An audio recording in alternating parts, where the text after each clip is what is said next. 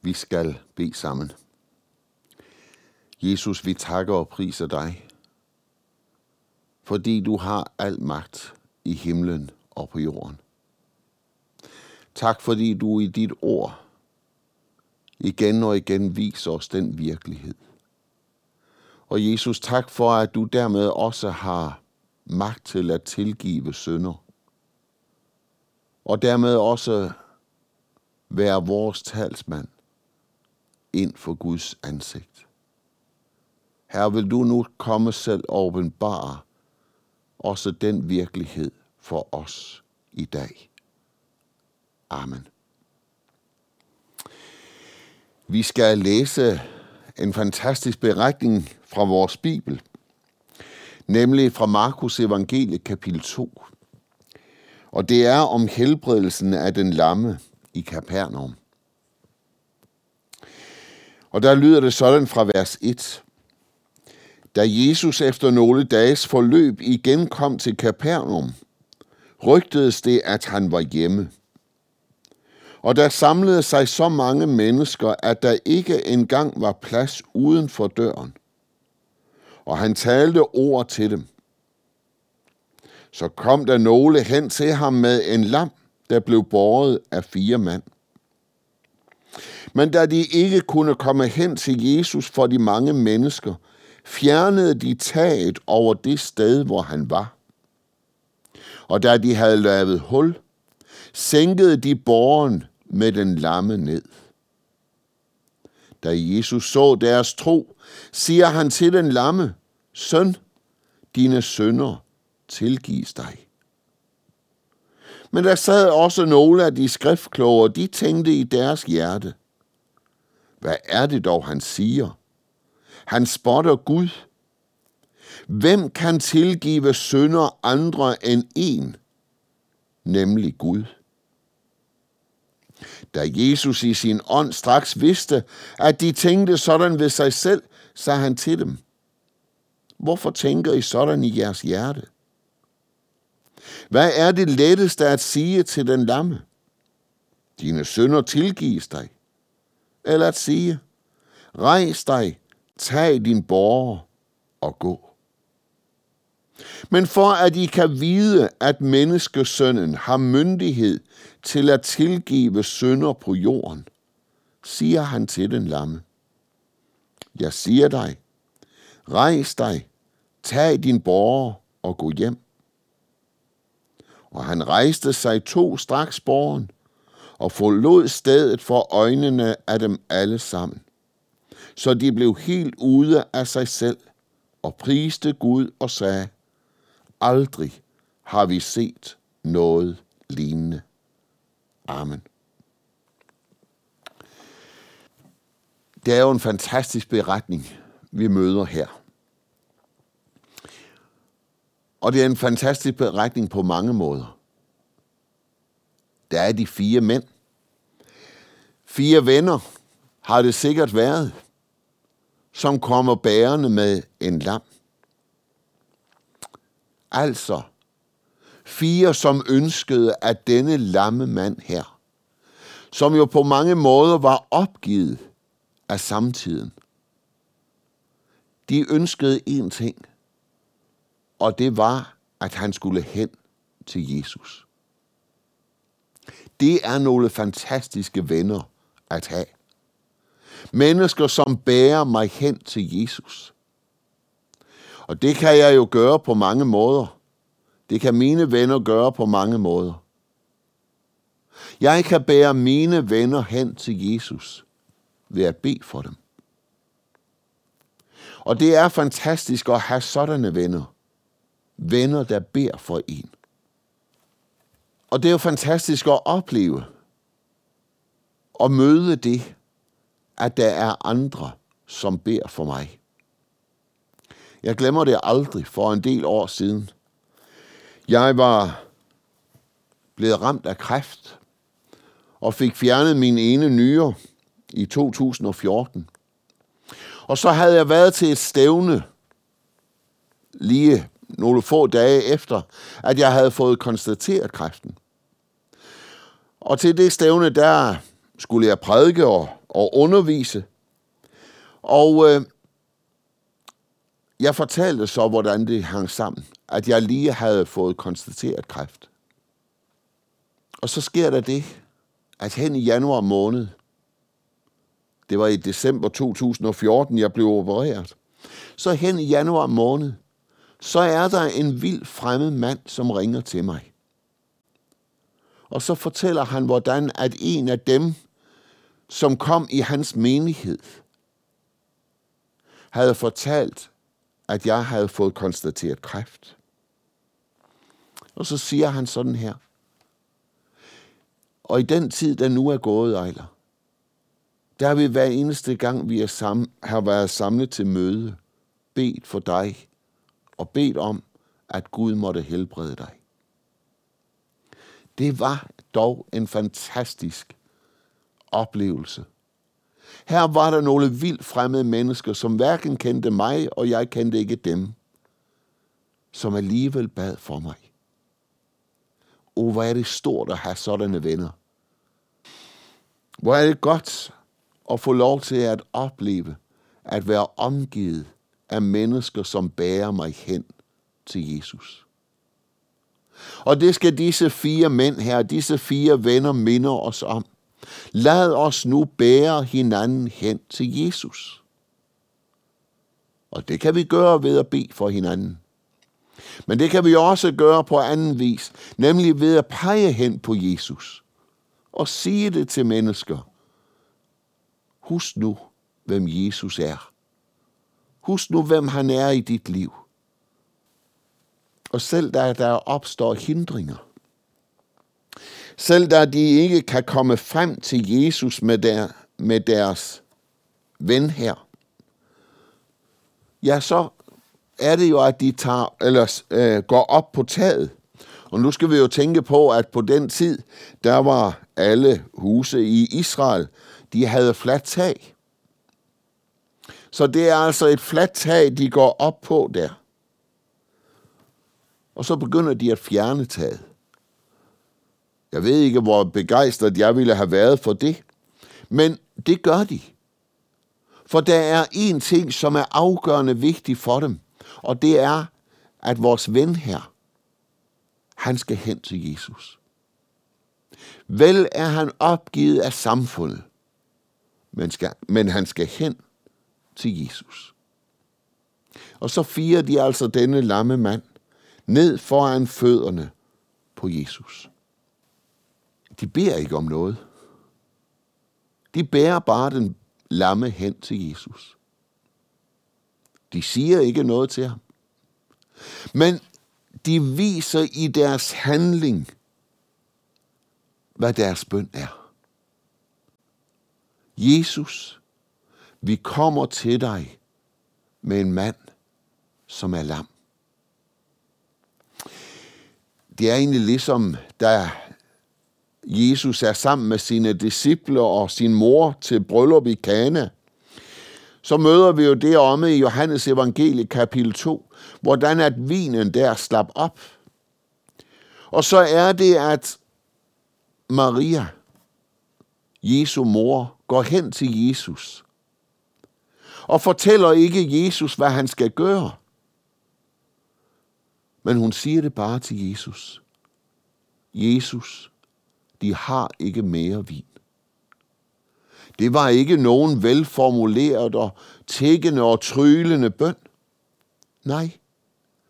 Maria fortalte Jesus om situationen.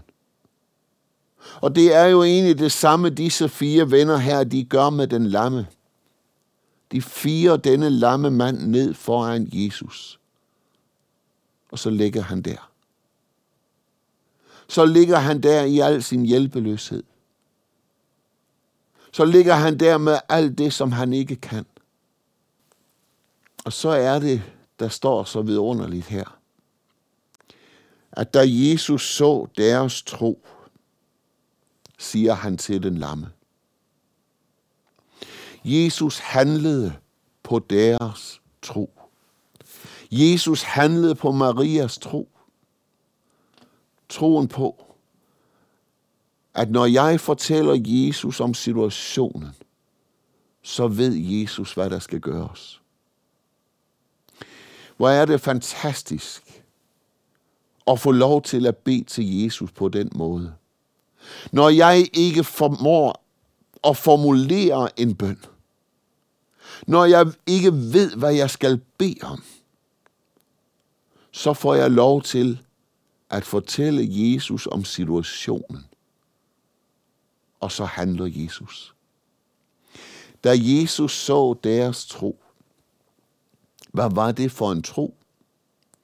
Var det en tro, som de havde formet og dannet og lavet?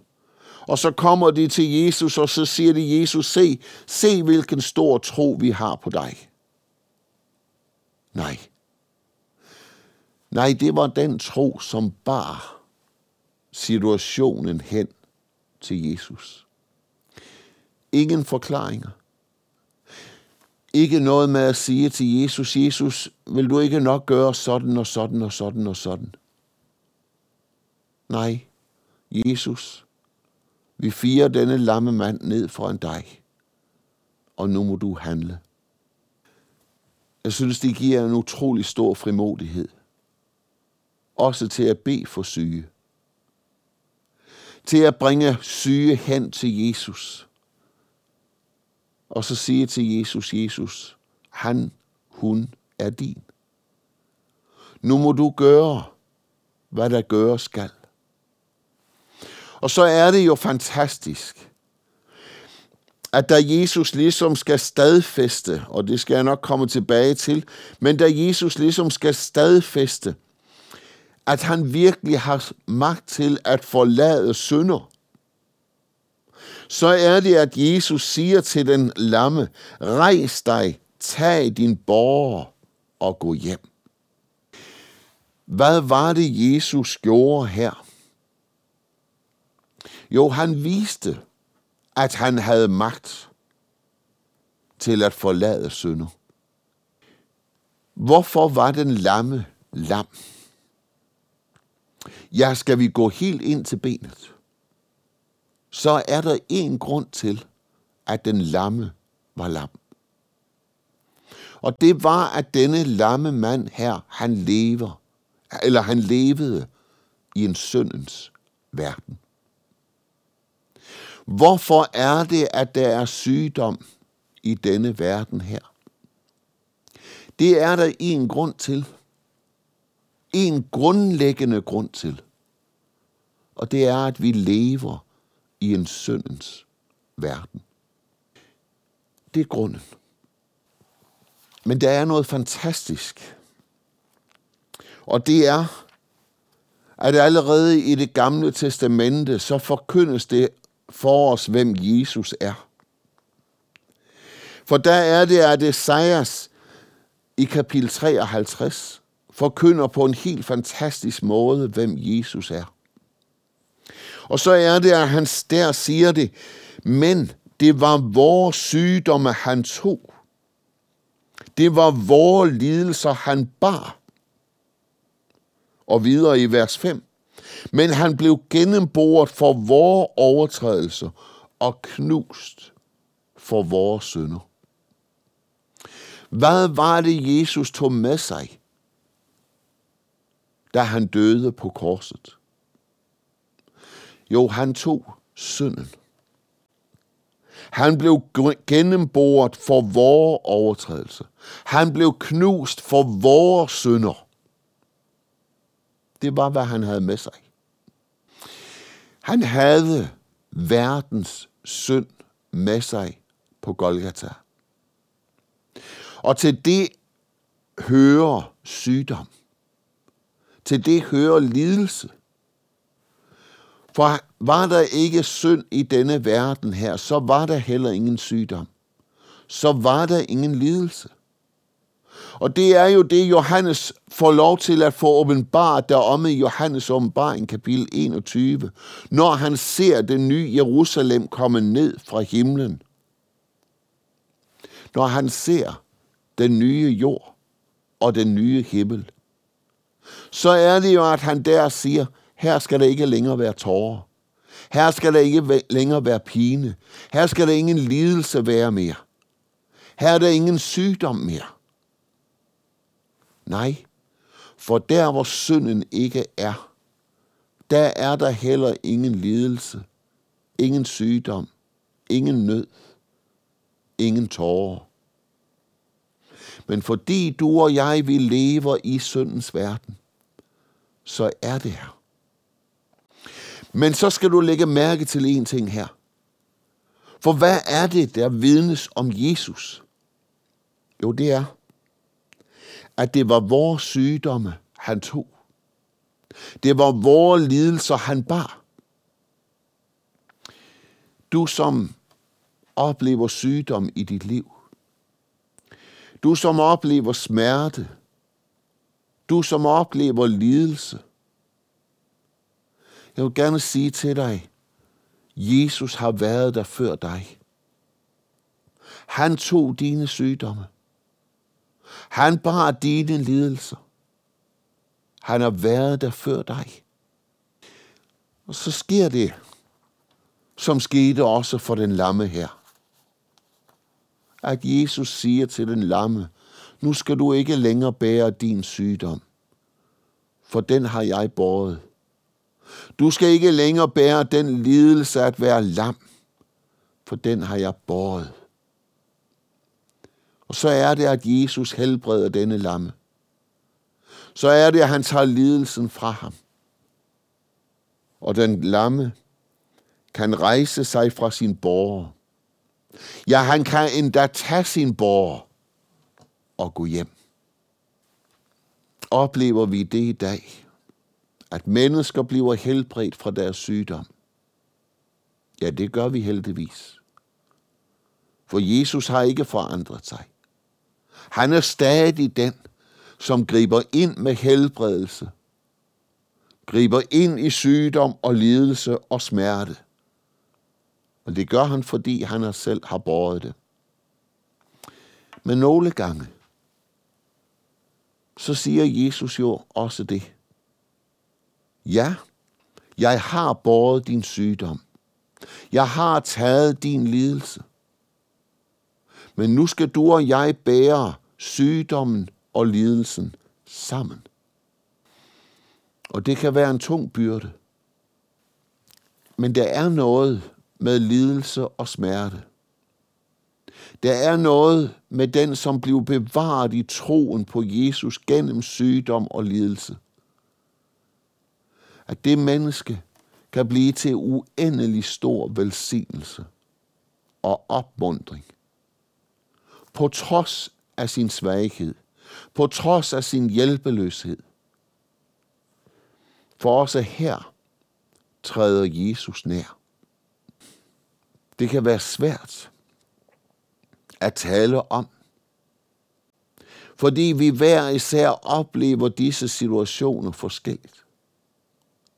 Men virkeligheden er den, at uanset om Jesus griber ind og helbreder fra sygdom og lidelse,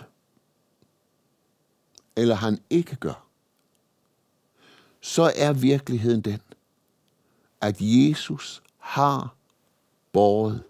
Han har taget din sygdom og din lidelse. For mig er der en vidunderlig trøst i det. Og vide, at jeg møder ikke noget i denne verden her, uden at Jesus har været der før mig.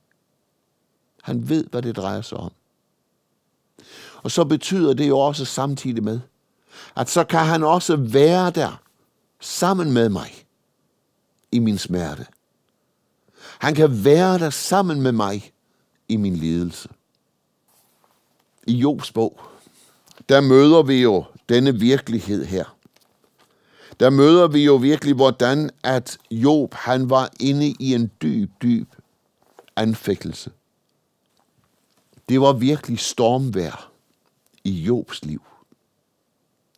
Og det var som om, at Gud var tavs. Det var som om, at Gud ikke hørte Job.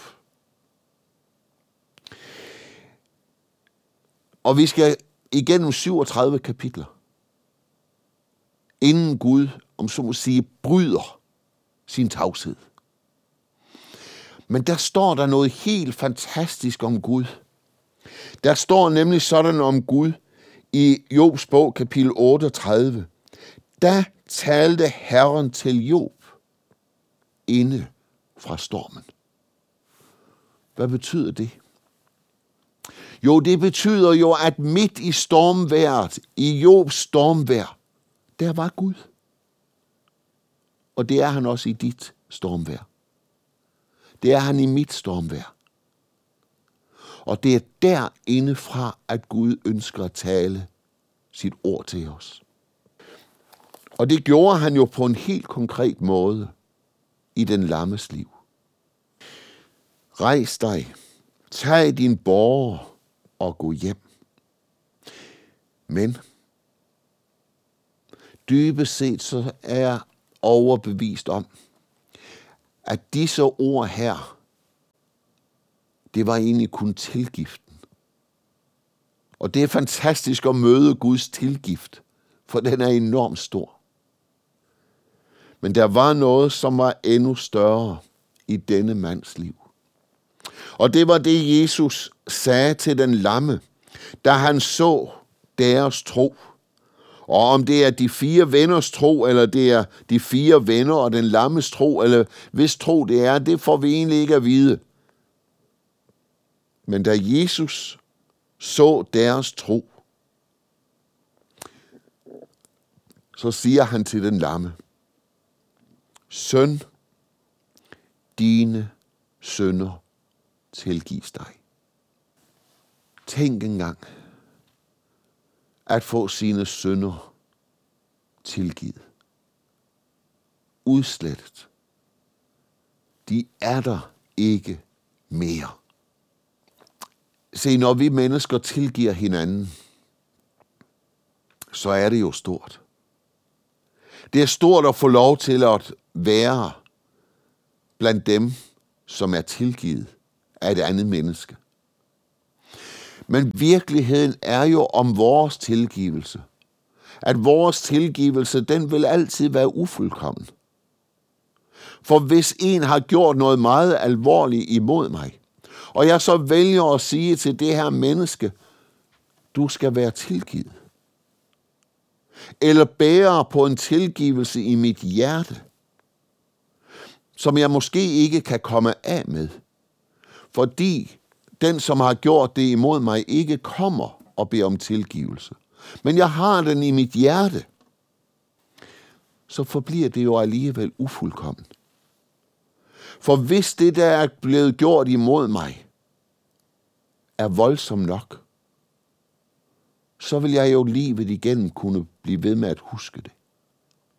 Der er noget i mit liv, som jeg ikke bare smider, kan smide ud af min hukommelse. Også selvom jeg har tilgivet det. Men når det gælder Guds tilgivelse, så er det anderledes. Så er det sådan, som min sjælesørger og supervisor har sagt til mig. Ejler, der er noget Gud, han har givet sig selv, når det gælder dine og mine sønder. Og det er en guddommelig hukommelsestab. Jeg elsker det udtryk. Der er noget, som Gud kan, og som jeg som menneske ikke kan. Han kan tilgive fuldkommen, sådan så at synden ikke er der mere. Den står simpelthen ikke for Guds ansigt. Den er glemt, den er borte. Og se, det er allerede i det gamle testamente, vi møder det. Om i Esajas' bog, kapitel 43, så er det, at Gud må konstatere om Israel og om Jakob. Om i kapitel 43, vers 24b. Der er det, at Gud må, må konstatere, du besværede mig med dine sønder. Du plagede mig med din skyld. Ja, det var, hvad den lamme formåede i sit forhold til Jesus. Det var, hvad den lamme formåede i sit forhold til Gud. Det er, hvad du og jeg vi formår i vort forhold til Gud. Besvær ham med vores synder. Plage ham med vores skyld. Og så er det, at Gud kommer. Og så siger han disse ord. Søn, dine sønder tilgives. Søn, datter, din, søn, dine sønder tilgives. Og hvordan gør han det? Jo, det gør han ved at sige, det er mig, kun mig, der sletter dine overtrædelser. For min egen skyld husker jeg ikke på dine sønder. Så fuldkommen er Guds tilgivelse. Så fuldkommen er det, når han siger til dig og til mig, datter, søn, dine sønder er tilgivet. Så sletter han dine overtrædelser. Så husker han ikke længere på dine sønder. Så sletter han det, som du plagede ham med. Så husker han ikke længere det, som du besværede ham med. Nej, det er borte. Det er udslettet.